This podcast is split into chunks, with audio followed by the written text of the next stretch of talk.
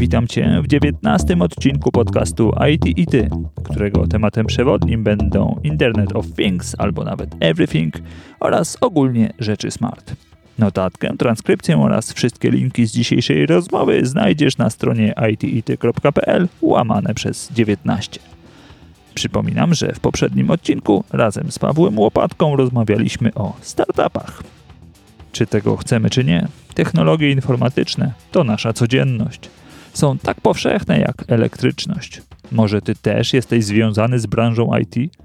A może świat IT dopiero czeka na ciebie? Poprzez wywiady takie jak ten chcę pokazać i przybliżyć różne oblicza świata IT, a także ukazać ludzką twarz osób, które na co dzień w nim przebywają. Osób, które podobnie jak ja uważają, że dzielenie się wiedzą jest fajne. Ja nazywam się Damian Ruciński i zapraszam Cię do naszego świata.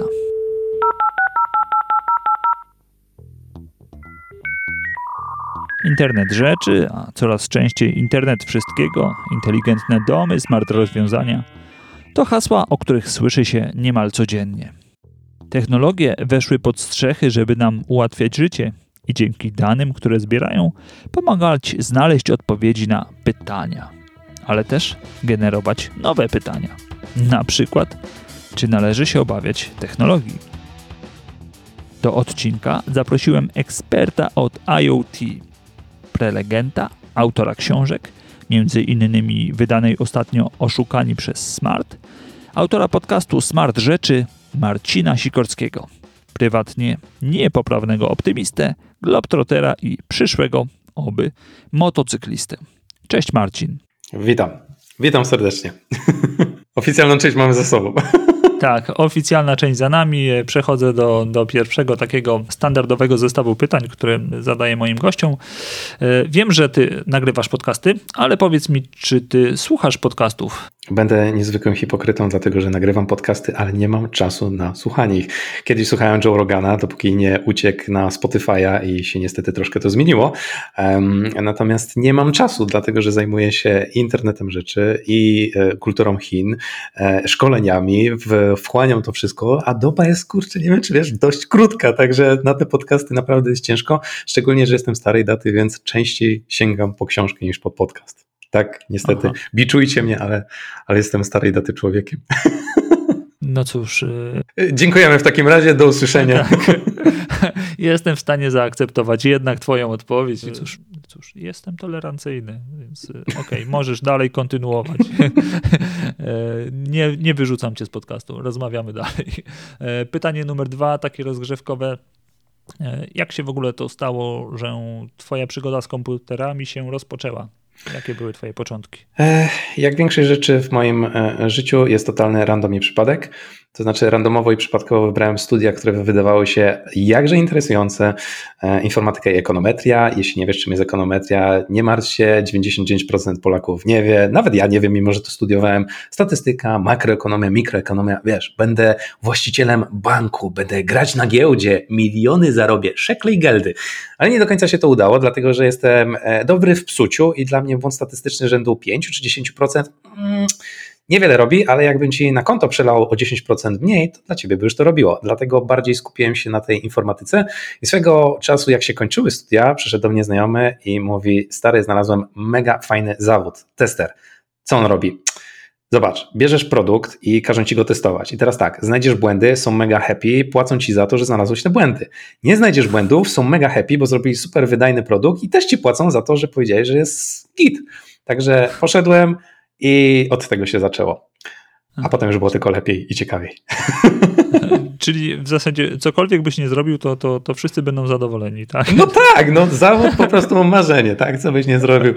Każdy ci za to płaci, jest szczęśliwy. Oczywiście tam są małe gwiazdki, ale żeby uprościć, tak wtedy mi sprzedał ten zawód mój znajomy i tak się, tak się dostałem. Mhm. Okej. Okay. Dobra, e, Marcin, zaprosiłem Cię dzisiaj tutaj, żeby e, porozmawiać o internecie rzeczy. Mhm. E, spróbujemy od definicji, ale zanim poproszę Ciebie o definicję, to IoT. Mhm. Cóż to jest i czym Jak się? podaje Wikipedia, internet rzeczy, internet przedmiotów, koncepcja, wedle której jednoznacznie identyfikowalne przedmioty mogą pośrednio albo bezpośrednio gromadzić, przetwarzać lub wymieniać dane za pośrednictwem instalacji elektrycznej inteligentnej KNX lub sieci komputerowej. Okej. Wow, teraz możesz- po, połowa słuchaczy się odłączyła. To... Tak, możesz teraz to na, na jakiś ludzki język przetłumaczyć, co się, co się pod tym IoT kryje? Jasne. E, Cztery słowa. Złącz, zbierz, zanalizuj, zmień.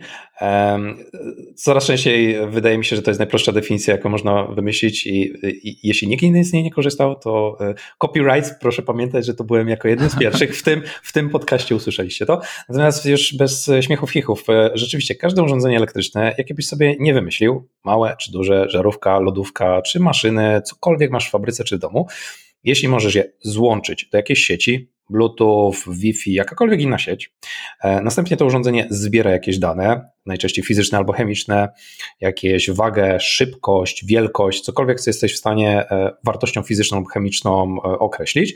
Następnie analizuje je, to znaczy te dane suche zamienia ci na jakieś fakty i wnioski, a w końcowym etapie zmienia twoją rzeczywistość, bo masz jakieś lepsze rozeznanie odnośnie tego, co się dzieje wokół ciebie, lub jest na zasadzie akcji, reakcji, to wówczas masz urządzenie obszaru internetu rzeczy.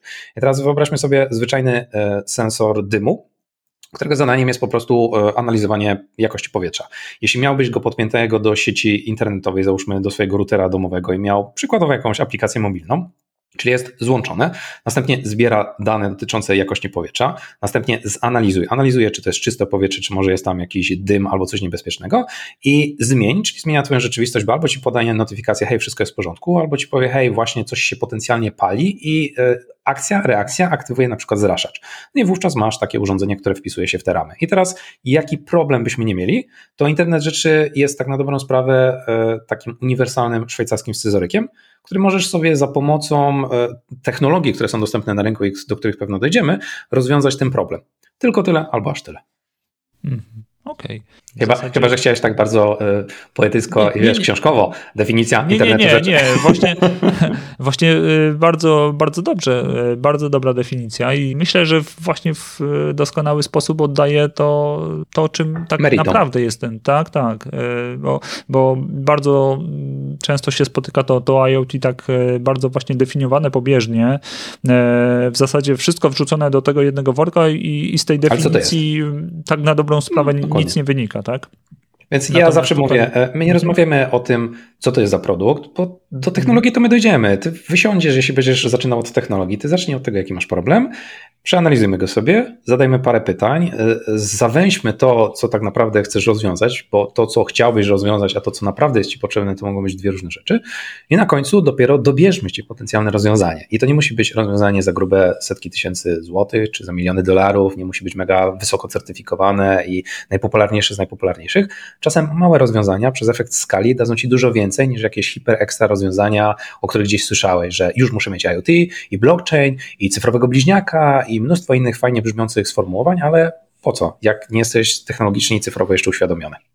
Mhm, oczywiście. Powiedz mi, czy w zasadzie można do tego internetu rzeczy e, używać tak samo tak e, zamiennie takiego określenia e, smart, bo, bo z takim czymś się też spotkałem, że niektórzy w ten sposób to, to też traktują, że jeżeli urządzenie jest smart, to, to to jest substytut tego słowa IoT.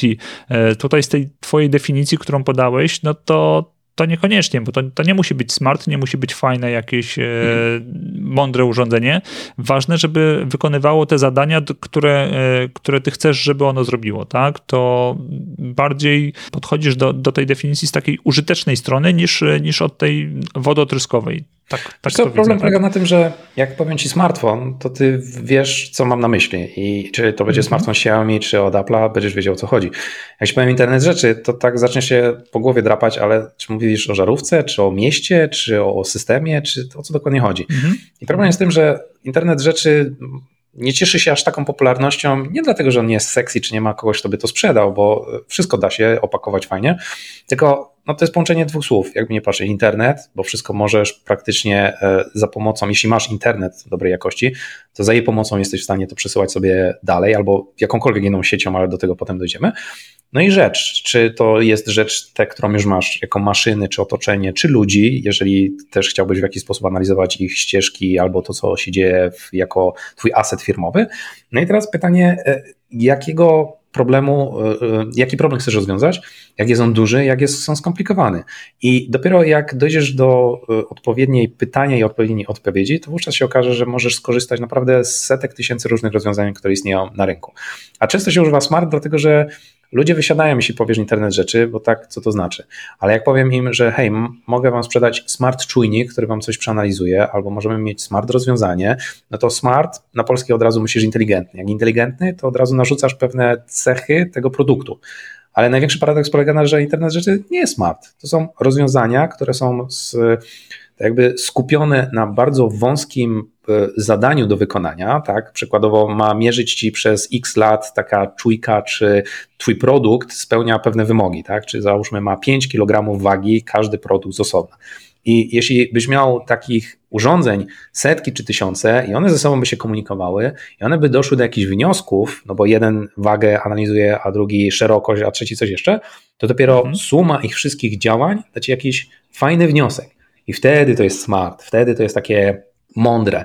Tylko dla mnie smart urządzenia to bardziej są sprytne, w takim znaczeniu nie pejoratywnym, jak mówimy, że ty jesteś sprytny, czyli pewno chcesz coś zahachmęcić, oszukać, tylko bardziej smart, że jesteś bystry, kumaty, szczwany, że jesteś w stanie te suche dane zamienić na coś wartościowego.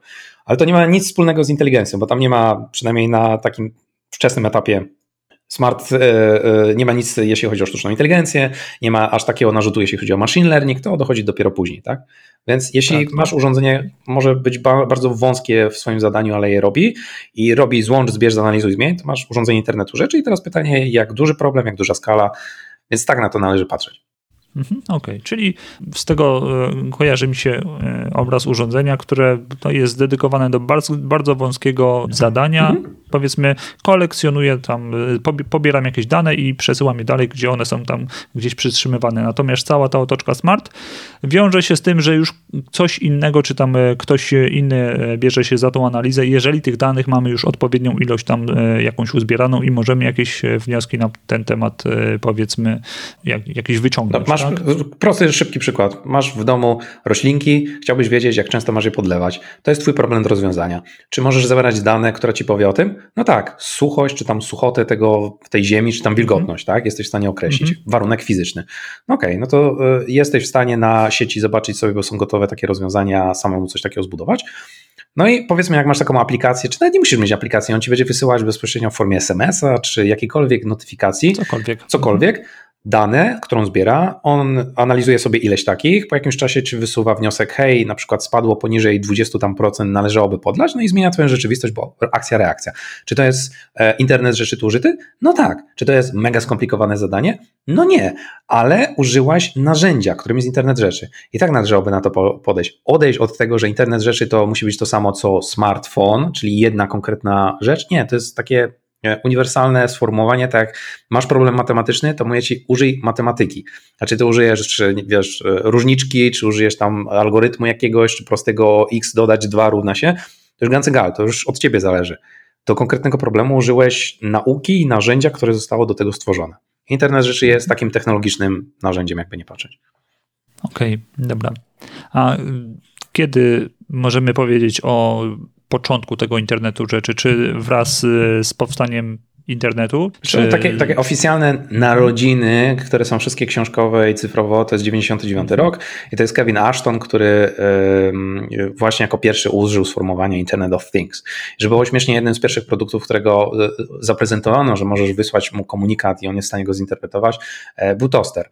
No i wiesz, wow, bo to jest zupełnie inne technologia niż komputer, i, i, ale jak to się komunikuje, czemu to zinterpretowało. Z dzisiejszej perspektywy to ktoś się zaśmieje, ale wówczas to było takie wow, to jesteśmy w stanie wysłać e, tak jakby innym językiem, no bo jeśli komputer mówi jednym językiem i drugi komputer go rozumie, to spoko, ale co jeśli toster używa zupełnie innego języka, tak? Bo tak możemy mm -hmm. mówić, że patrzeć na protokoły i te wszystkie sposoby komunikacji. No i e, byliśmy w stanie to zrobić i nagle wow, czyli jesteśmy w stanie pójść o krok dalej. No i tak na dobrą sprawę 2.7, kiedy iPhone wszedł, e, e, był takim rokiem, kiedy zaczęło się zmieniać to, bo nagle technologia szybko zmalała, nagle e, staniała, nagle bardzo szybki pęd nastąpił, e, kiedy to wszystko zaczęło się rozwijać, swoje dołożył Google, Microsoft, nagle Facebook, Amazon, który jakby nie patrzeć też te technologie inwestuje. No i nagle, wiesz, taki boom nastąpił i to jest naturalna kolej rzeczy. I mówimy o tym nie dlatego, że to jest, wiesz, no okej, okay, na ten moment jest to jedno z najlepszych rozwiązań, jakie mamy, jeśli chodzi o, o jak bardzo skomplikowane i wielkie gabarytowo problemy masz do rozwiązania, to użyj narzędzia, jakim jest internet rzeczy. Pod tym względem ok.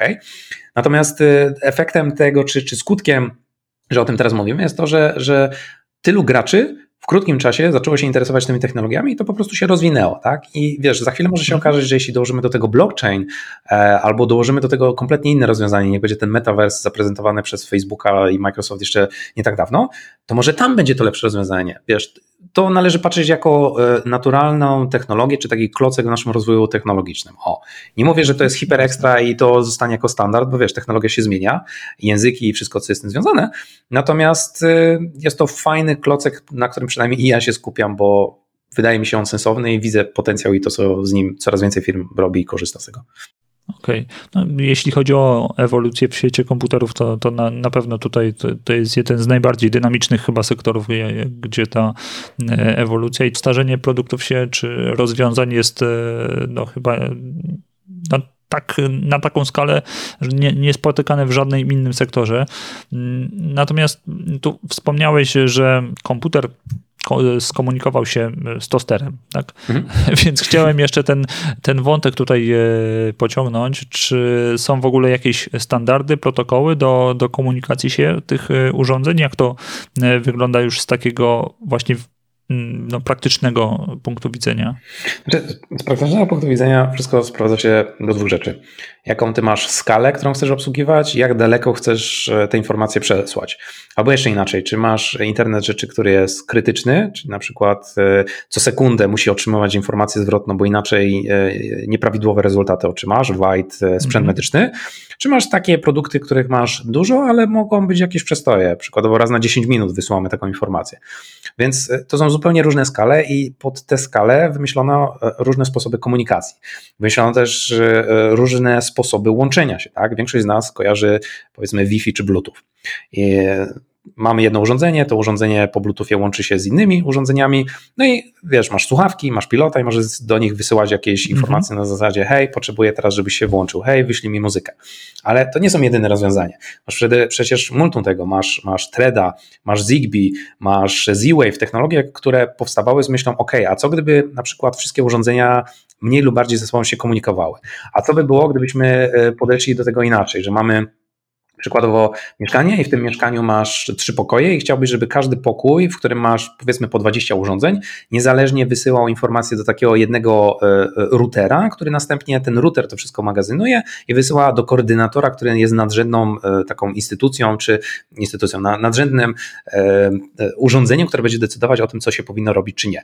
Tu wchodzą w koszty, a co gdyby mi taki komunikacja w, pokoje, w pokoju wysiadła, czy wtedy mogę działać dalej, jak bardzo chcę, żeby to było stabilne, jak bardzo chcę, żeby to działało szybko.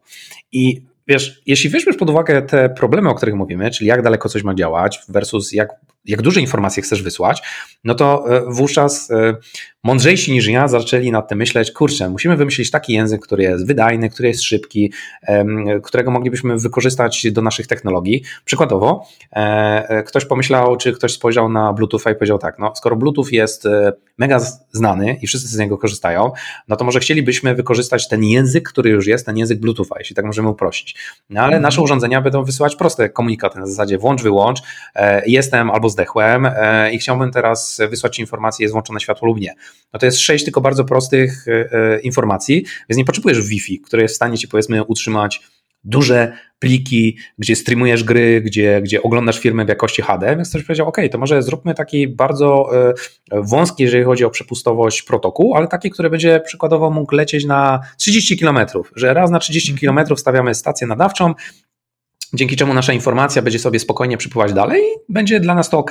Będzie wolno, przykładowo płynęła, ale będzie daleko płynęła. I wiesz, tego typu rozwiązania, tego typu problemy zaczęły się mnożyć i mnożyć i to jest też naturalną konsekwencją dlatego, dlaczego też mówimy o internecie rzeczy i y, web of things, bo to są dwa różne sformułowania, tak? Internet of Things to mamy różne produkty, czajnik, jakiś lampę, jakiś włącznik, nie wiem, klimatyzator każdy z nich używa innego sposobu komunikacji, Zigbee, Bluetooth, N-Ocean, jakikolwiek, a chcielibyśmy mieć jeden komputer, który będzie w stanie ci powiedzmy wysłać te informacje typu e, hej, czy ty jesteś teraz włączony? Albo hej, potrzebowałbym potwierdzenia, co się aktualnie dzieje w pokoju numer 3. I wiesz, po dwóch stronach tak jakby masz różne rodzaje maszyn, które w różnych używają języków. Nie stworzy nigdy jednego uniwersalnego. I teraz kwestia pozostała taka, shit, jak my to zrobimy, żeby to było mądrze zrobione, żeby było to tanie i żeby to było wydajne? Odpowiedź? Nie da się, od razu to powiem. Natomiast w zależności od tego, jaki ty masz problem i od tego zawsze zaczynamy, jesteśmy w stanie dobrać e, takie rozwiązania, które spełni Twoje wymogi. Tak? Na przykład nie będzie hiperbezpieczne, ale będzie hiper szybkie. E, będzie okay. hiper szybkie, ale przykładowo będzie miało jakąś inny defekt, tak? że nie będzie Dobra. łatwo penetrować e, przez szkło, czy przez ściany, przez tynk, przez cement tego pasma nadawczego i czy tobie to odpowiada, tak? Także różne problemy, różne komunikaty, różne języki tutaj powstały i, i tak to wygląda. Ale e, powiedz mi, czy mhm. e, załóżmy, że no, nie wiem, weźmy przykład jakiejś żarówki, która tam zmienia sobie kolory i chciałbym e, do tego sobie napisać jakiś e, soft, który będzie się mhm. z nią komunikował. To czy e, są właśnie jakieś e, protokoły dedykowane do, do tego typu urządzeń, czy objęte jakimiś standardami, czy też każdy producent tworzy swój Y, protokół, w ramach którego może tam udostępnić go gdzieś powiedzmy i korzysta, no nie wiem, z jakiegoś tam e, pasma czy, czy częstotliwości, na, na której nie, można to, się z tym znaczy, skomunikować. Znaczy, żeby mieć jasność, to, mm, jeśli chodzi o pasma nadawcze, nie wszystkie są dostępne dla wszystkich. Jak chcesz samemu coś mhm. kombinować, to od razu powiem, raczej odpadniesz, dlatego że e, jak pogmerałbyś po sieci, zobaczyłbyś, że są konkretne fora, które ci mówią, ok, na takim paśmie nadawczym takie sugerujemy rozwiązania, które możesz kupić z mhm. Amazonu czy z AliExpressu, żeby do ciebie doszło.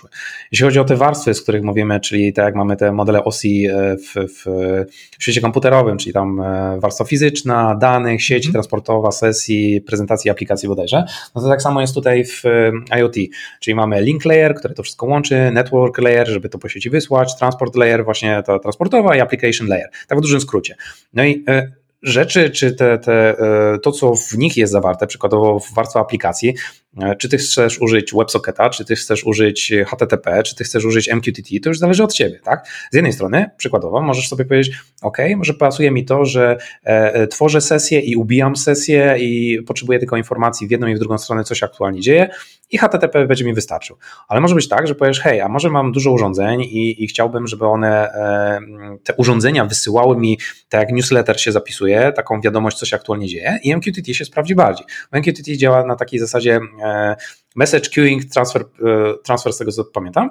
I chodziło o to, że e, Twoje produkt internetu rzeczy wysyła jakieś informacje. Działam, nie działam, włączyłem się, no to co Cię interesuje. I teraz okay. to wszystko jest niejako to jakby kolejkowane u takiego brokera, czyli takie miejsce, w którym te wszystkie dane są zbierane i on to potem kataloguje czy kategoryzuje, gdzie to powinno być. To są informacje o stanie urządzenia, to są informacje o tym, co aktualnie robi. I teraz wyobraź sobie, że masz trzy jakieś komputery, które mówią, hej, mnie interesuje to, czy to urządzenie jest włączone i wyłączone. I tylko to mnie interesuje. Ok, w momencie, kiedy będę uzyskać takie informacje, będziesz dostawać tylko informację zwrotną o tym, czy jest włączone, czy wyłączone.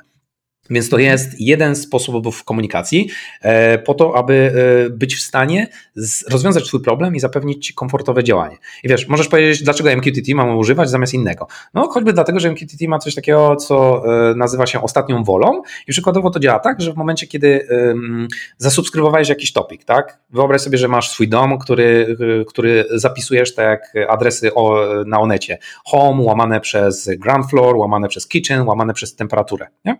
I teraz teraz wyobraź sobie, że tylko te informacje są szczytywane, no i yy, to urządzenie, które z Twoich urządzeń nagle zdechło.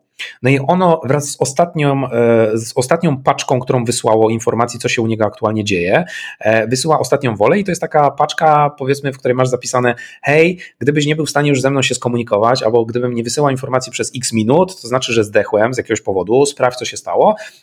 I to ostatni stan, który miałem, to i tutaj ci w tej ostatniej woli niejako e, jest napisane, co się działo, plus co ewentualnie zrobić, tak? Że hej, najpewniej bateria siadła. I mhm. może MQTT sprawdzi się u ciebie. No i znów wracamy do tego, co jest twoim problemem, co ty chcesz tak rozwiązać. Mhm. Bez tego zdefiniowania problemu, który chcesz rozwiązać, trudno, e, trudno rozmawiać tutaj o, e, o jakichś ogólnych e, wartościach czy, czy rzeczach, które chcemy podjąć. Najpierw definicja problemu, a potem dobranie do tego odpowiedniego rozwiązania. No tak, no, nawet jak spojrzysz na internet rzeczy, no co to jest internet rzeczy? Świat fizyczny to jest jakiś user experience, on wchodzi z nim w reakcję, to jest świat technologiczny, biznesowy, stricte interakcyjny, no mnóstwo tych elementów i, i czy nawet marketowy, jak będziesz sprzedawać swoje urządzenie, jak wchodzi się z nim w reakcję, co widzę jako otoczenie, jak długo żyję, jak możesz mnie kupić, e, jak jestem zasilany, e, co będę wyświetlać, jak długo będę działać. No mnóstwo takich pytań. E, dlatego mówię, ludzie myślą, że wow, technologia i, i tu wysiądę. Nie, ty, ty zacznij od problemu co cię boli, co cię trapi, a dopiero później będziemy dobierać te klocuszki, bo tych firm, firemek już teraz na rynku jest bardzo dużo. My znajdziemy ci dedykowane jakieś rozwiązanie, tylko ty zastanów się, co naprawdę ci potrzeba. Bo wyjście od, o wow, inni mają IoT, wow, inni mają blockchain, inni mają jeszcze AI, super, nie wiem co to, nie wiem jak, ale, ale montujmy, bo to natychmiast szybko, to się nie sprawdzi. Mhm. Okej. Okay. Troszkę poszerzam jeszcze mhm. E, wątek IoT, mhm. E, bo u ciebie w podcaście e, usłyszałem też takie określenie jak e, Internet of Everything. Mhm. Czy jest jakaś różnica w ogóle między IoT a IOE?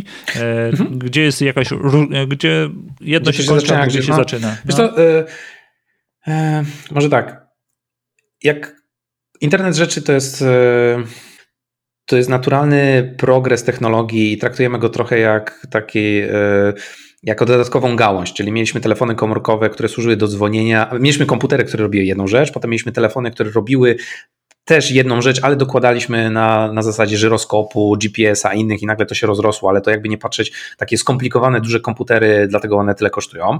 To potem wpadliśmy na pomysł, a co gdybyśmy chcieli dużo danych rozproszonych zebrać, ale żeby było jak najtańsze i wymyśliliśmy internet rzeczy, które, wiesz, oczujnikujemy wszystko i zbierzemy te informacje proste, ale dużo tych danych. No i Internet of, things, of Everything wychodzi z założenia, dobra, jak już będziemy mieli e, wszystko o jednostce, o jakimś budynku, o mieście, fabryce, no to moglibyśmy nad, nadrzędnie jeszcze to złączyć właśnie w taką makroskalę. Czyli przykładowo całe miasto byś miał, które wiedziałoby dokładnie, ile mamy lamp, ile mamy samochodów, co one robią, gdzie robią. Trochę to brzmi tak e, e, orwellowsko, futurystycznie w negatywnym tego słowa znaczeniu, ale bardziej chodzi o taki koncept, że jeśli Internet of Things konkretnej rzeczy jest, to Internet of Everything to już by była taka dojrzałość wynikająca z tego, Wiemy, jakie to są technologie, nie boimy się, wiemy, jakie dane zbieramy, wiemy, jakie one problem rozwiązują i wówczas jesteśmy w stanie podpiąć pod to jeszcze, wiesz, sektor przykładowo sądownictwa, zdrowotny, e, jakieś elementy, które są na tym etapie skomplikowane, a, bo brakuje nam pewnych danych lub informacji, ale jak już byśmy je mieli, to moglibyśmy szybko rozwiązywać te problemy. Przykład, e, masz chorobę, masz lekarza i lekarz cię bada i e, masz już Internet of Things, bo on mierzy twój, e, masz jakąś tam opaskę, która mierzy twój puls, jakiś tam stan zdrowia i tak dalej. I ciebie jako pacjenta, tylko ciebie, ciebie, lekarz e, lepiej rozumie niż to, co by zrobił samemu, czyli co pan robił, proszę mi powiedzieć, a wydaje mi się gdzieś tam. Nie, masz dokładnie twarde dane.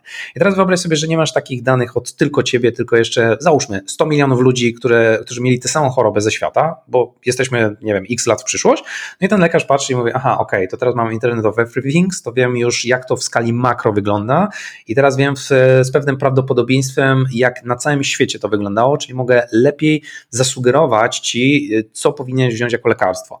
Czyli e, już wychodzimy z tego świata takiego typu mi się wydaje, nie jestem pewien. Doszliśmy do świata, mam już lepsze dane o sobie samym albo o, o niewielkim otoczeniu, a za chwilę łączymy to z resztą świata, żeby zobaczyć, jak to, jak to wówczas wygląda.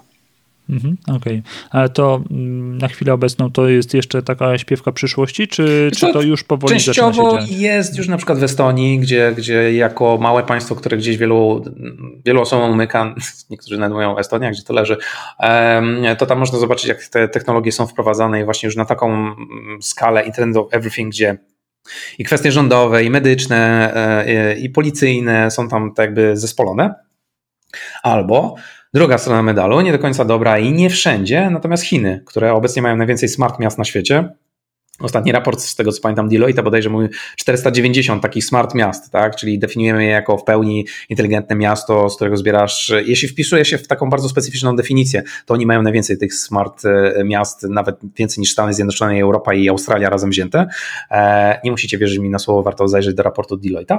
Mm, natomiast e, no Oni wykorzystują to nie zawsze w sposób, który ty i ja byśmy nazwali etyczny, e, czyli pamiętajmy, że tam jest system punktowy, który cię ratinguje i uzasadnia to na bazie tego, jak co ty robisz, jak mówisz, co e, i jakie masz przywileje lub co ci zabieramy, więc to jest pokazane, jak technologia może być przeciwko nam. Natomiast do pewnego stopnia y, warto jest patrzeć, żeby wiedzieć, jak dużo informacji, jakich możesz zebrać, tak? E, I mówię tu nie ku przestrodze i żeby ludzie mówili, o nie, to jak, jak w Chinach tak jest, to u nas też tak będzie, tylko bardziej na zasadzie, jaki jest potencjał przykładowo e, wydajny, e, jak lepiej możemy rozumieć problemy dotyczące, nie wiem, zanieczyszczeń, albo gdzie powinniśmy postawić kolejny punkt medyczny, bo, bo nie jesteśmy w stanie, czy, czy system zaproponował nam. I tak by na to patrzył, tak? No ale wiesz, kto, kto ma się bać, to powie, że i tak jestem e, przekupiony, a 5G powoduje raka i generalnie, że technologie są złe, standardowa śpiewka, więc no jasne. Y, to znaczy, tak, no wiesz, no każda nowa technologia mm, może być użyta na różny sposób, tak? Tak, tak jak tu podajesz przykład Estonii, gdzie, gdzie faktycznie trudno ich tam y, posądzać o, o jakieś złe zamiary, a, a, raczej chcą tylko e, sobie usprawnić y, i mm, przeskoczyć na ten kolejny level, mhm. tak, w zarządzaniu państwem. Natomiast, no mając odrobinę złej woli, to, to można z tych, z tych danych też faktycznie próbować, będąc na przykład osobą zarządzającą w Chinach, tak? E, nie, nie wiem, jak tam te, te polityczne mm, urzędy się, się, się nazywają e, akurat, no ale można też z tego zrobić jakiś tam użytek, tak? Więc tutaj, no... mówię, e, zapomniałem już, kto mhm. to powiedział, chyba ze dwa podcasty temu o tym wspominałem, że technologia sama w sobie nie jest ani dobra, ani zła. I to mhm. trochę jak z nożem. Nóż sam sobie nie jest ani dobry, ani zły, tylko w zależności gdzie go użyjesz jak. I teraz jak ludzie boją się e, e, na przykład noża, to dlaczego boisz się noża? Bo nie wiesz jak działa, czy bo boisz się, że ktoś może ci zrobić, ale zobacz ile możesz mieć korzyści. No teraz pytanie, czy nie chcesz tych korzyści? To okej, okay, zostajemy przy tym, co było wcześniej, albo przed erą noża, jeśli tak to możemy nazwać, tylko pytanie, czy wówczas żyło ci się dobrze, tak? Ale tu nakładają się problemy socjologiczne, krzywa antycypacji Jasne. technologicznych i mnóstwo innych elementów, które powodują, dlaczego takie, a nie inne technologie mamy dziś, i kto się ich mniej lub bardziej boi. E, nie mówię, żeby nie brzmieć jak tech entuzjasta, że wszystko co najlepsze jest technologii, bo nie, tak nie jest, tak? No, e, natomiast też byłbym daleki od powiedzenia, że technologia to jest czyste zło. Mhm. No oczywiście. No, ale w, Należy... w czasach spolaryzowania to musisz powiedzieć albo 0, albo 1, tak? Nie możesz powiedzieć po środku, że coś. Tak, no należy traktować to jako kolejne narzędzie, tak, które, no, które mamy. Dokładnie tak. Zależy jak, jak z niego będziesz jak, jak nie klikasz w przypadkowe linki, kiedy ci SMS-a ktoś wyśle na zasadzie hej, przystojniaku, naciśnij w linka i zobaczysz coś ciekawego, to i tu masz jakąś świadomość, co cię może potencjalnie czekać, to dlaczego w, w, umniejszasz sobie, twierdząc, że nie rozumiesz internetu rzeczy i będziesz wszystko robić, co sprawi tylko, że będzie ci źle w życiu, tak? No, im bardziej jesteś świadomy tego, jak one działają, to też nie kupisz byle czego, też będziesz wiedział, że tam są jakieś normy, certyfikacje, no na Boga, to nie wszystko wszędzie ląduje i nie wszystko jest najgorszym chłamem, tylko mamy produkty, które są normowane, certyfikowane, no są ludzie za to odpowiedzialni i nie wrzucajmy wszystkiego do jednego wora, nie bójmy się wszystkiego, tylko podchodźmy do tego trzeźwo. Mhm, Okej. Okay.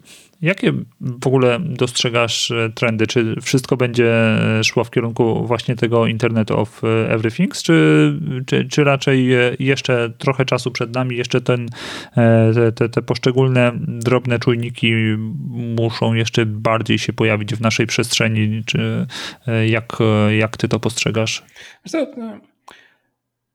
To już staje się powoli standardem I, i, ja na to trochę patrzę tak jak na telefony komórkowe. Kiedyś się ich bano, ale ponieważ były fajne, sexy, kolorowe i w ogóle zmieniają twoją rzeczywistość, plus fajnie były sprzedawane, no to się zaadaptowały i teraz ludzie nie wyobrażają sobie, że mogą bez nich żyć.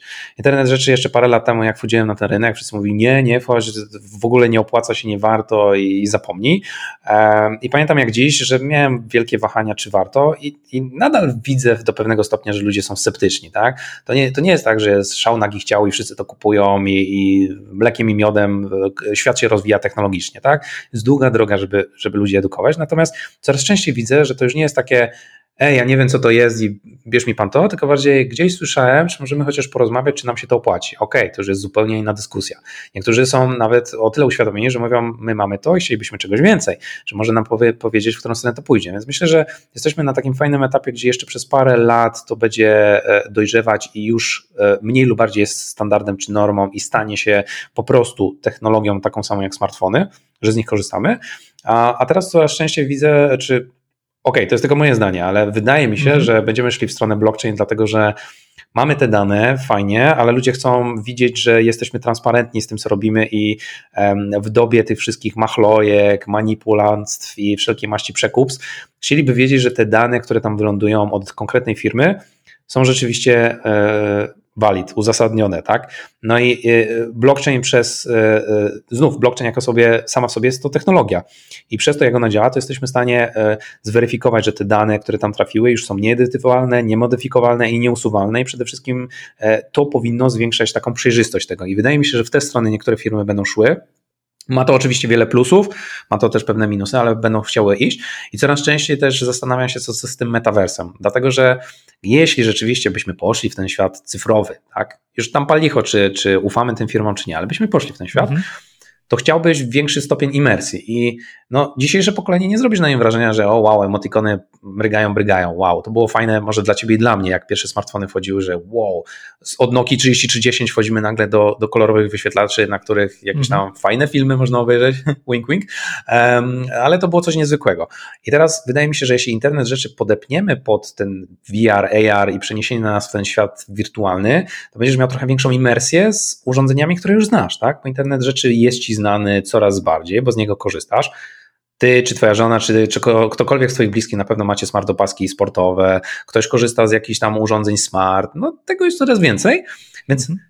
Mniejszy krok wykonasz w stronę kolejnej technologii, tak? Bo już pewne urządzenia, które znasz, będą z nimi czy z tą technologią powiązane. No ale to jest trochę moje gdybanie, tak? No fajnie jest pogdybać, bo, bo nie bierzesz odpowiedzialności za swoje słowa, bo to, potem możesz powiedzieć, o, wydawało mi się, że będzie zupełnie inaczej, albo o, widzicie, miałem w pełni rację, tak? Super zawód futurysty. E, polecam szczególnie e, i pozdrawiam wszystkich futurystów na świecie. Natomiast tak szczerze, to są moje strzały. Ja siedzę przy internecie rzeczy, widzę, że coraz częściej są zapytania, jak to działa i to nie są już przypadkowe pytania. Widzę też trend, hej, jak to podpiąć pod blockchain. Czy tak będzie? Zobaczymy za jakiś czas.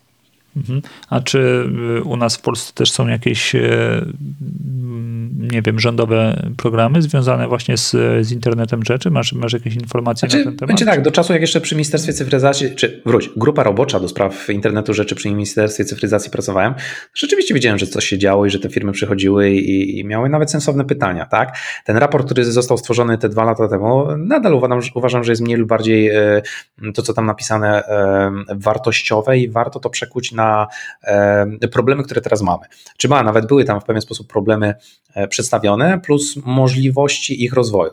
Już tam Pomijam to, jak długo trwa proces legislacyjny i dyskutowanie i dzielenie WOS-u na cztery. Z jednej strony ok, z drugiej strony czasami przydałoby się, żeby ktoś przyszedł i tak umysłem inżynierskim do tego siadł, no ale niestety polityka rządzi się swoimi prawami i, i tak, a nie inaczej to działa.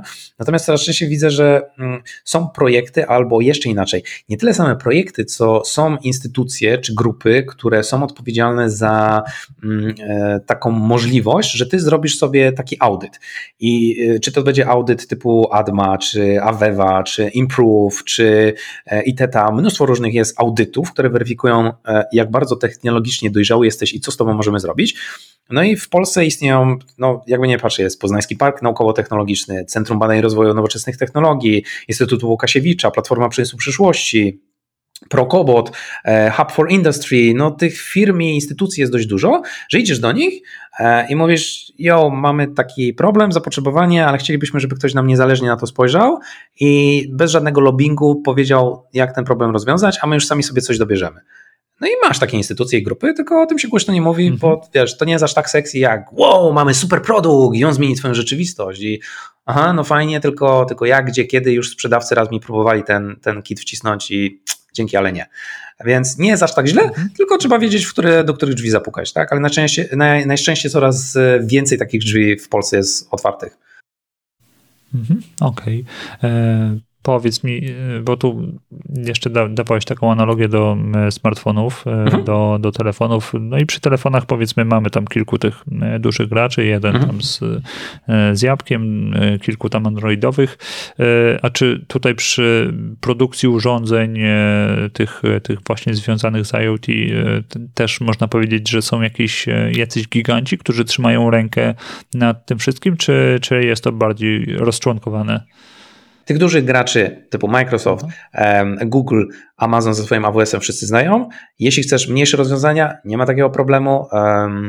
Kwestia jest tylko taka, co ty chcesz rozwiązać i wówczas na rynku możesz się zorientować. Z tego co pamiętam, samych nawet dostawców platform już teraz jest kilkaset dostępnych takich dużych, nie? Na zasadzie, że e, e, konkretna, duża markowa firma, o tak bym powiedział, nie jakiś Jasiu Kaziu, który powstał dwa miesiące temu, a, a co dopiero tych małych, mniejszych. Także ciężko powiedzieć, dlatego że no, ty mi powiedz, jaki ty masz problem, a dopiero później zastanowiłem się, czy to ma być certyfikowane, normowane, czy chcesz rzeczywiście po kosztach ciąć. Ale na Boga, miłego, nie twórz od zera, tak? Chyba, że jesteś masochistą, bo takie rzeczy też się w Polsce dzieją.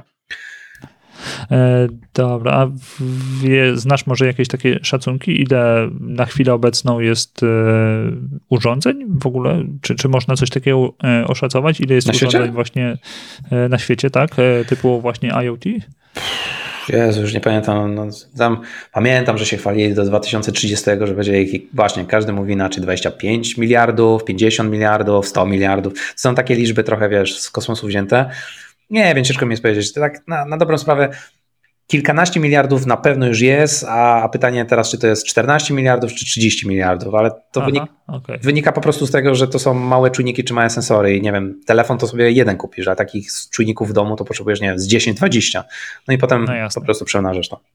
Dobra, e, dobra, ten e, wątek e, można powiedzieć, definicji tego IoT, myślę, że powoli zamykamy. Mhm. Załóżmy, że ktoś wchodzi do świata IT mhm. i czy poleciłbyś mu zainteresowanie się tym w ogóle e, IoT e, jako, jako taką e, rzeczą na początek? Czy to jest dobre dla kogoś, kto w ogóle ma pierwszy styk w ogóle z komputerami, czy raczej tutaj trzeba mieć jakąś już bazę mm, do tego, żeby, żeby rozpocząć tą no, przygodę, powiedzmy, z tym, z tym internetem rzeczy? Mm. Wiesz co, to powiem Ci tak, no ja jestem trochę w takim, wydaje mi się, że rodzynkiem, bo ja zaczynałem z kompletnie innego obszaru i od testowania przez to, że przypadkowo trafiłem do internetu mhm. rzeczy, to się wszystko rozwinęło. Natomiast e, przekrój możliwości jest tak duży, że wydaje mi się, wydaje mi się, że każdy może znaleźć coś dla siebie. To jest raz. Mhm. Dwa, e, ta technologia raczej nie zdechnie, tak samo jak smartfony nie zdechły i inne, i komputery też nie zdechły i, i po prostu to jest kolejny klocek, który się tutaj pojawia. Nie wiem, czy są idealne studia, jak, jak jeszcze przy Ministerstwie Cyfryzacji tam sprawdzał ktoś, to, to były chyba 4 czy 5 kierunków w Polsce, które tak jakby zajmują się ogólnie rozumianym internetem rzeczy, ale to były trochę takie, wiesz, pod, powypadkowe innych e, tematów, czyli nie wiem, e, chcesz robić aplikacje mobilne, to przy okazji możesz też robić aplikacje mobilne pod internet rzeczy. Mhm. Natomiast e, no jeśli e, e, ktoś chce zajmować się technologiami jako developer tester, to nie ma problemu. Jeśli ktoś chce pójść w analizę danych jako data scientist, to wydaje mi się, że wow, tu to w ogóle będzie kosmos, jeśli chodzi o to, ile ci ludzie będą zarabiać i jakie będzie na ich zapotrzebowanie. Um, także nie, no ta branża się ciągle rozwija i wydaje mi się, że, że będzie tylko lepiej i lepiej. Mówię, 7 lat temu, czy już teraz 8, e, to nie było aż takie sexy, teraz coraz więcej projektów przez polskie ręce przychodzi, więc tak, warto. Aha, e, ale to czy, nie wiem, w zaciszu domowym coś można sobie e, zacząć próbować, czy, czy, czy no, pe pewnie można, ale od czego byś ty proponował zacząć? Znaczy zależy czy... jakim jesteś człowiekiem, jak, Aha, jak jesteś okay. tak jak ja, że niekoniecznie musisz być mega inżynierem, e, który lubi siedzieć, pisać kod albo montować to, to sobie możesz zacząć od zrozumienia, jak to w ogóle działa, rozbicia tego na części pierwsze, rozeznania się po rynku. No wiesz, powiedzieć, chcę się znać na internecie rzeczy, to tak jak powiedzieć, chcę się znać na matematyce. No, nie jesteś w stanie wszystkiego wiedzieć o wszystkim i, i nawet jak sobie pewną grupkę, warstwę, niszę wybierzesz, to to spędzisz tak dużo czasu, że co chwilę będziesz miał kompleks, wow, jeszcze tego nie wiem, i tego nie wiem, i tego nie wiem, i właściwie to ja nic nie wiem. Mhm. Więc fajnie jest na początku sobie tak rozeznać się, przejrzeć jakieś książki, posłuchać trochę o tym, e, obejrzeć czym to się je, e, co mnie tak naprawdę interesuje, bo przykładowo mnie interesuje warstwa, mnie jako mnie, interesuje warstwa biznesowa, czyli co taki biznes może na tym zarobić. Trochę interesuje mnie technologia, więc wiem jak to działa i jestem w stanie coś zasugerować. Jestem takim łącznikiem pomiędzy to, co chciałby biznes, a to, co chciałaby technologia e, i tłumaczę to z jednego języka na drugi i vice versa. I, i okej, okay, ja się na przykład w tym odnajduję, mi się to podoba i podoba mi się tłumaczenie czy szkolenie na ten temat i that's it. Nie mam pomysłu na produkt, który zmieni świat.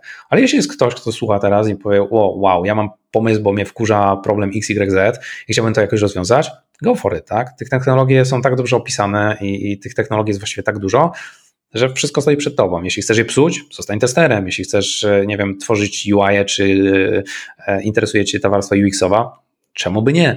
Także no, wszystko zależy od tego, jakie masz predyspozycje, a każda osoba się odnajdzie. Do tego stopnia ten, ten rynek jest chłonny, że nawet pamiętam, miałem szkolenie o o tym, czym jest internet rzeczy i ktoś mówi, kurczę, fajnie, ale wie pan co, ja tak naprawdę wywodzę się z mm, świata, czy właściwie studiowałam w jaki sposób leczyć krowy, e, bo to była moja tak jakby magisterka, którą pisałam i sko skończyłam takie studia i tu chyba nie ma miejsca na mnie. Ja mówię, nie ma, wręcz przeciwnie. E, znam wiele firm, które na przykład są w Hiszpanii czy w Portugalii ulokowane, które mają problem związany z tym, jak czujniki na krowy dać i okazało się, że potrzebują specjalisty, który y, zaproponuje im, gdzie je umiejscowić na ich ciele albo w jaki sposób one powinny wyglądać, żeby tych krów nie straszyć i naprawdę dobre pieniądze płaciły osobom, które znały się na krowach, tak? Jeśli tylko jeszcze do tego dołożyłeś element technologii, why not? Możesz się tym zająć, tak?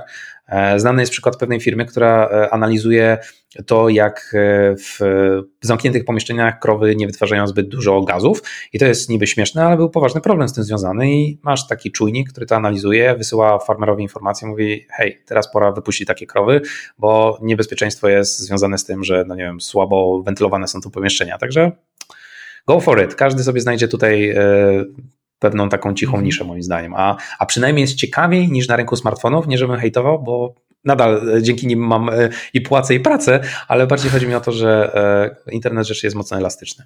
Tylko Aha. koszt wejścia z roku na rok będzie trochę większy, tak? Mhm. Ale koszt w sensie posiadanej wiedzy? No tak, no wiesz, jak ja zaczynałem, to tych, te technologie jeszcze nie były aż tak dobrze opisane, można było nie wiedzieć, co to znaczy to, czy tamto, a teraz nagle okazuje się, że no, musisz wiedzieć dużo, dużo więcej teraz niż to, co było parę lat temu, a wydaje mi się, że za, za parę lat, czyli nie wiem, za trzy, cztery, to tej więcej jeszcze więcej trzeba będzie e, posiadać. Także to tylko tak ku przestrodze, tak? Nie żeby zniechęcać, mhm. tylko im wcześniej zaczniesz, tym łatwiej będzie ci się odnaleźć. Okej, okay, a to, to skoro no, jest coraz y, więcej rzeczy opisanych i coraz y, więcej rzeczy do ogarnięcia, mhm. to powiedzmy, że, że ten y, właśnie przykładowy Kowalski wpadł na pomysł, ten XYZ, który ma zrewolucjonizować świat, to mm, czy łatwo mu będzie samemu coś takiego pociągnąć, czy lepiej byłoby znaleźć sobie jakiś team, zespół, w którym będą to razem działać, próbować tworzyć i jeden powiedzmy będzie e, odpowiedzialny za, za soft, drugi za hardware, a trzeci jeszcze za, za jakieś inne rzeczy. Czy, jeden rabin czy powie je... tak, a drugi mhm. rabin powie nie i odpowiem ci na mhm. pytanie, że e, znów to zależy od ciebie. Jak jesteś e, mhm. ogarniętym człowiekiem, który mm, po to mówiłem, że warto e, trochę poczytać o wszystkim, a potem mhm. się skoncentrować na jednym konkretnym obszarze, bo będzie ci łatwiej. Chodzi o to, że jak ja z kimś rozmawiam, to raczej bullshit wyczuję, kiedy ktoś mi próbuje sprzedać, tak? Nie zawsze, mhm. ale jest mi łatwiej, bo wiem jak to działa, wiem jak to się komunikuje, wiem jak to się zabezpiecza, po trosze tego wiem, mm, więc jest mi łatwiej taką dyskusję prowadzić. Jeśli jesteś osobą, która trochę liznęła tego z różnym skutkiem albo z różnym sukcesem, tak? Pewne elementy lepiej rozumiesz, pewne mniej, to możesz coś takiego zrobić. No, coraz więcej jest for internetowych i miejsc, który, do których możesz sięgnąć, żeby przeczytać, jak coś zrobić, jak coś wyprodukować. E, zaciągnij sobie e, z GitHuba jakieś konkretne rozwiązanie, odpal to i, i zobacz, jak to po prostu działa, tak? E, natomiast szczerze, no mówię, tych gotowych rozwiązań jest na tyle, że jeśli czujesz się na siłach, to spiknij jakiegoś znajomego i razem możecie to stworzyć. A jeśli chcesz użyć gotowego rozwiązania, jakieś SDK, które tam po, po, po sieci gdzieś wynaleźliście i kupiliście i płacicie tylko za licencję, to why not, tak? To, to również jest Każde rozwiązanie ma pewne plusy i minusy. Kwestia jest taka, jak bardzo dobrze czujesz się z tą technologią. Czasem okay. lepiej jest dopłacić więcej, nie wymyślać koła na nowo, a mieć już gotowy produkt, który zacznie ci zarabiać. Mhm, jasne. E, a propos zarabiania, to jak w ogóle wygląda ten rynek pracy e, tutaj u nas w Polsce, w, jeśli chodzi o IoT? Coś się tu dzieje, czy, czy dopiero będzie się działo? Wiesz to ostatnio tak się złożyło, że szukam dla pewnej osoby e, pracy na rynku testerskim i w ogóle jest kosmos, jeśli chodzi o to, jakie stawki teraz widzę nawet dla juniorów są, jest takie uuu, uuu, to widzę, że chyba pora tutaj e, e, z, jakby zmienić swoje myślenie o tym, jakie stawki wydawało mi się, że są na rynku. No bo nie czarujmy się, codziennie nie, nie, nie zaglądasz tak dla przyjemności, mm -hmm. jakie są oferty pracy dostępne na rynku, nie? Ale zauważyłem, że był wzrost. Nie wiem, czym on jest spowodowany. Czy rzeczywiście brakuje rąk do pracy, czy e, aż tak rynek się rozochocił i w którymś momencie ta bańka pęknie, że muszą naprawdę jakieś dziwne oferty dawać. Czy jest tak, że no, jest jeszcze inny powód, którego nie zauważam, tak? Bo może rzeczywiście przez to, że e, nowy ład wchodzi i wszystko pójdzie do góry, no to nawet na, w naszej branży ktoś powiedział słynne 15K. Nie, teraz będzie, będziemy zarabiać 20K. Może trochę przesadzam, ale rzeczywiście te oferty w niektórych przypadkach są takie, what? Ile wy oferujecie za ten kompleks umiejętności? Także widzę, że to się zmienia na lepsze i widzę, że, że rynek tak jakby zwiększył te widełki. Nie wiem na jak długo, ale na ten moment przynajmniej dla testerów zwiększył, bo jestem z tej branży.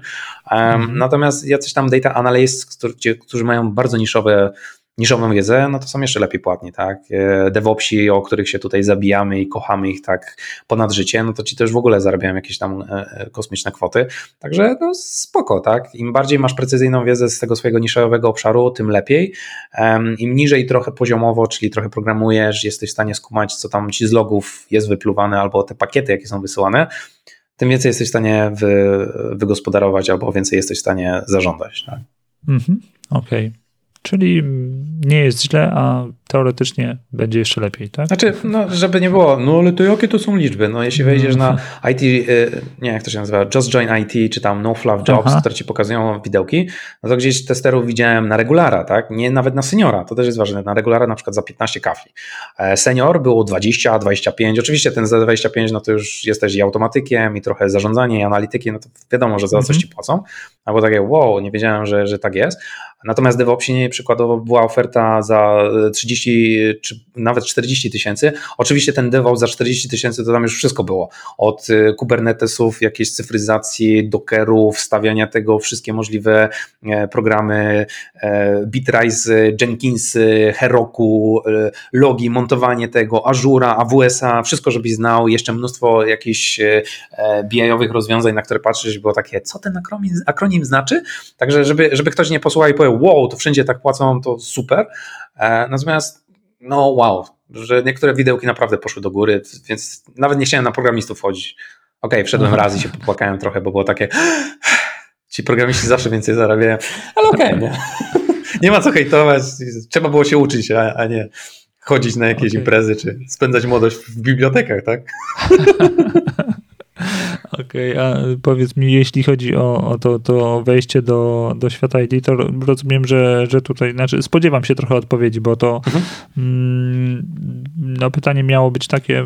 Jak wejść? Czy, czy? czy, nie, nie, nie, nie jak wejść, tylko czy to właśnie dla kogo jest więcej pracy, czy, czy właśnie dla testerów, czy dla programistów? Znaczy wiesz, zawsze programista dostanie, mhm. będzie chętniej brany, nawet na logikę, no komu zapłacisz więcej? Kolesiowi, który przez pół rok dłubie ci kod, jeśli go wywalisz z projektu, to ktoś od zera będzie musiał analizować ten kod i jesteś trochę, e, masz problem.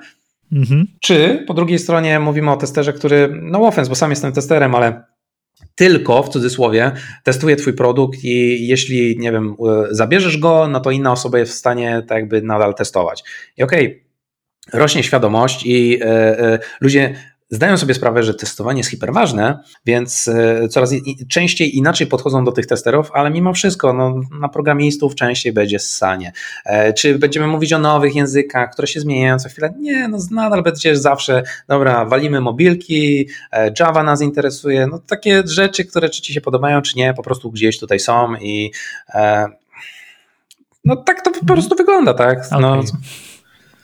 Dobra, no to, to już e, nie rozmawiamy o pracy więcej, e, a w zasadzie w zasadzie to chyba powoli kończymy, bo odnoszę wrażenie, że i tak e, tych tematów i tak dopiero liznęliśmy.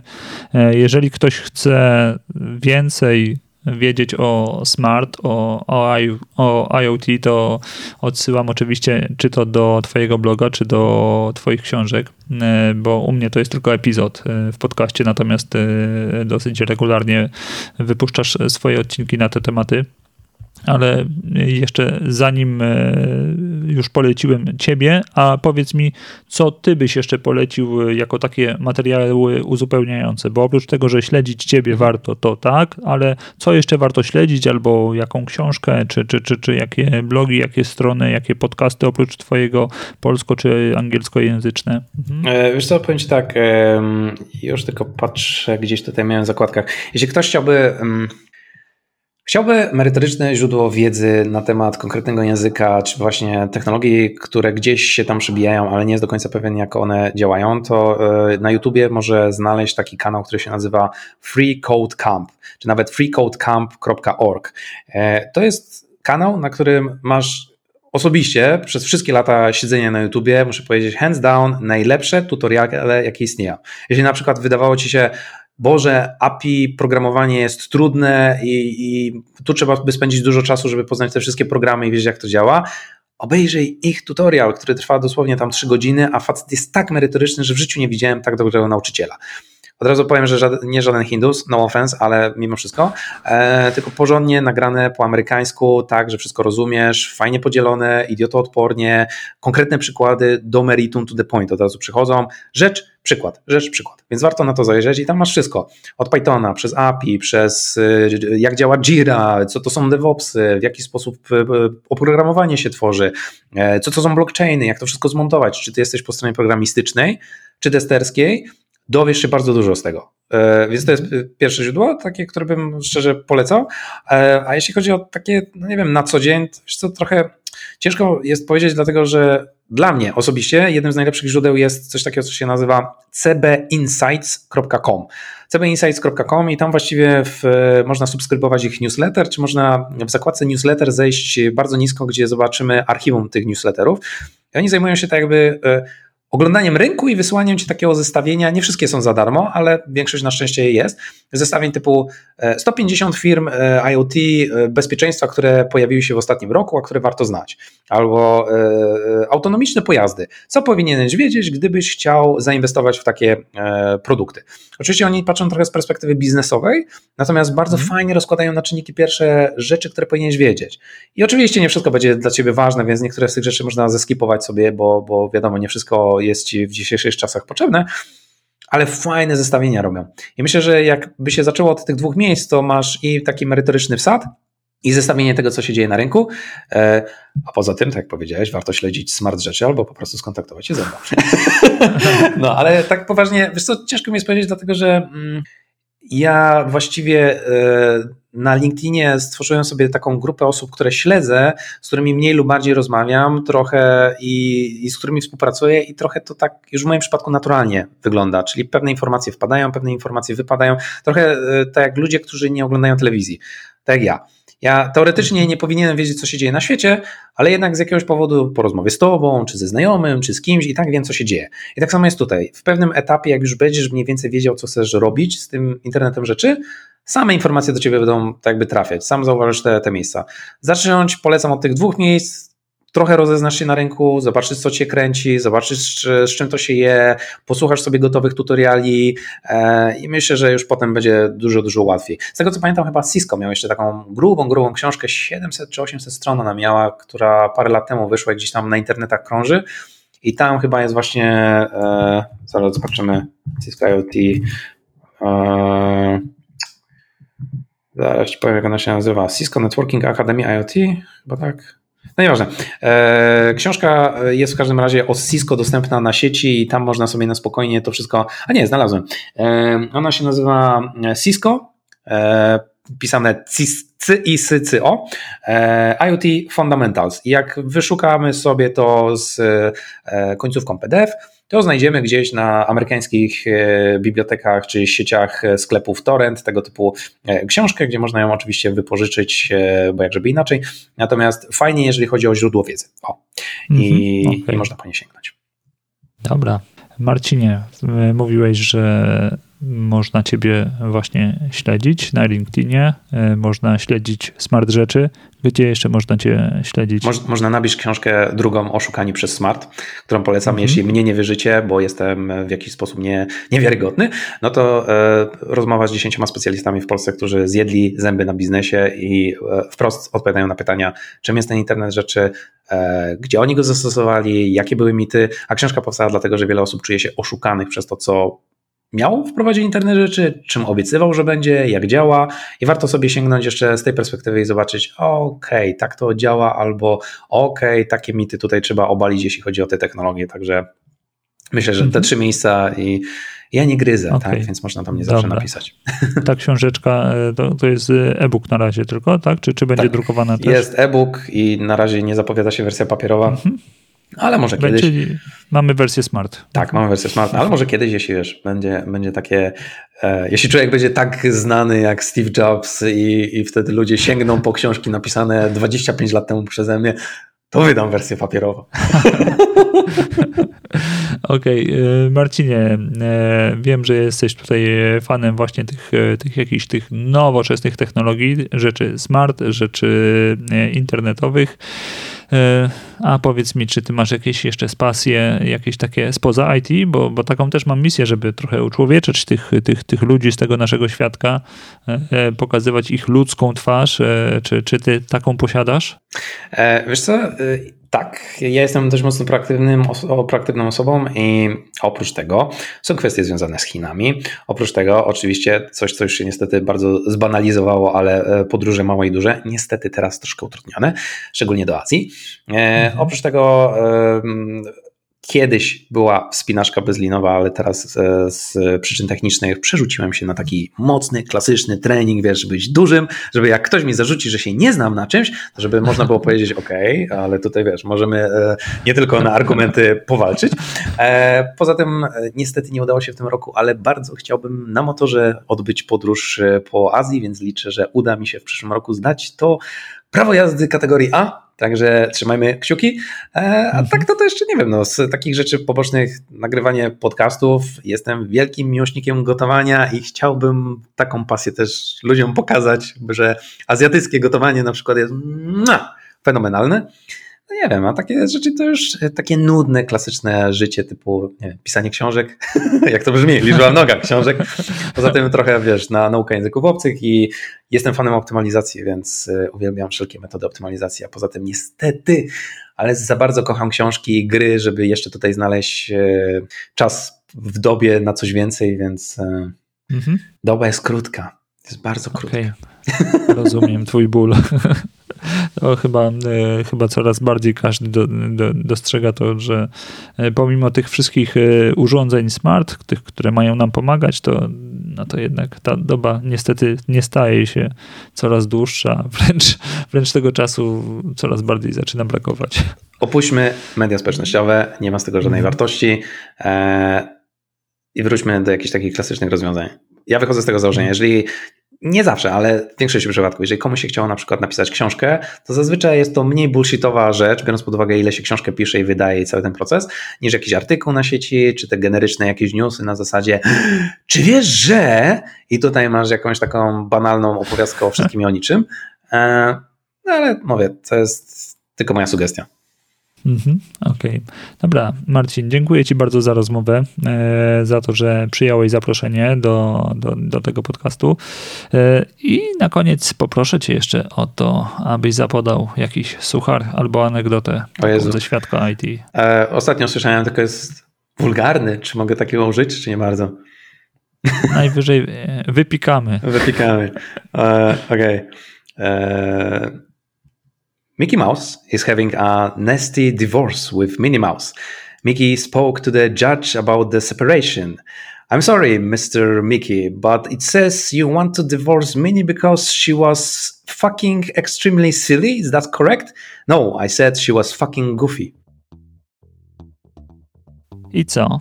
Nie taki ten smart czy IoT straszny jak go piszą, co? Zapamiętaj. Chcesz robić IoT? Zacznij od zdefiniowania swoich potrzeb, a dopiero później dobierz odpowiednie rozwiązanie. Myślę, że warto obserwować, jak będzie postępował rozwój tej branży. Ja na pewno będę. Jeszcze takie krótkie info. Wczoraj, czyli 1 grudnia, ruszyła piąta edycja wydarzenia Dev Advent Calendar. Jest to inicjatywa łącząca tradycję kalendarza adwentowego z IT. Przez 24 dni uczestnicy będą po kolei otwierać okienka wirtualnego kalendarza, rozwiązywać zagadki ze świata IT i w zamian otrzymywać punkty. Osoby, które zdobędą najwięcej punktów, otrzymają nagrody. Ja na wczorajszym zadaniu poległem. Więcej na stronie www.devadventkalendar.pl. Spodobał Ci się ten odcinek? To proszę podziel się nim z jednym znajomym, którego też może zainteresować. Masz jakieś uwagi lub pomysły? Pisz śmiało na adres damianmałpa.itity.pl lub komentuj w social mediach. Nie chcesz przegapić kolejnego odcinka? Zasubskrybuj podcast. Jestem na Spotify, Deezer, YouTube, Apple Podcast, Google Podcast, Empik Go, czy czym tam sobie zamarzysz. Jak zwykle na zakończenie przypominam. Ja nazywam się Damian Ruciński, a dzielenie się wiedzą jest fajne. Do usłyszenia. Pa, pa.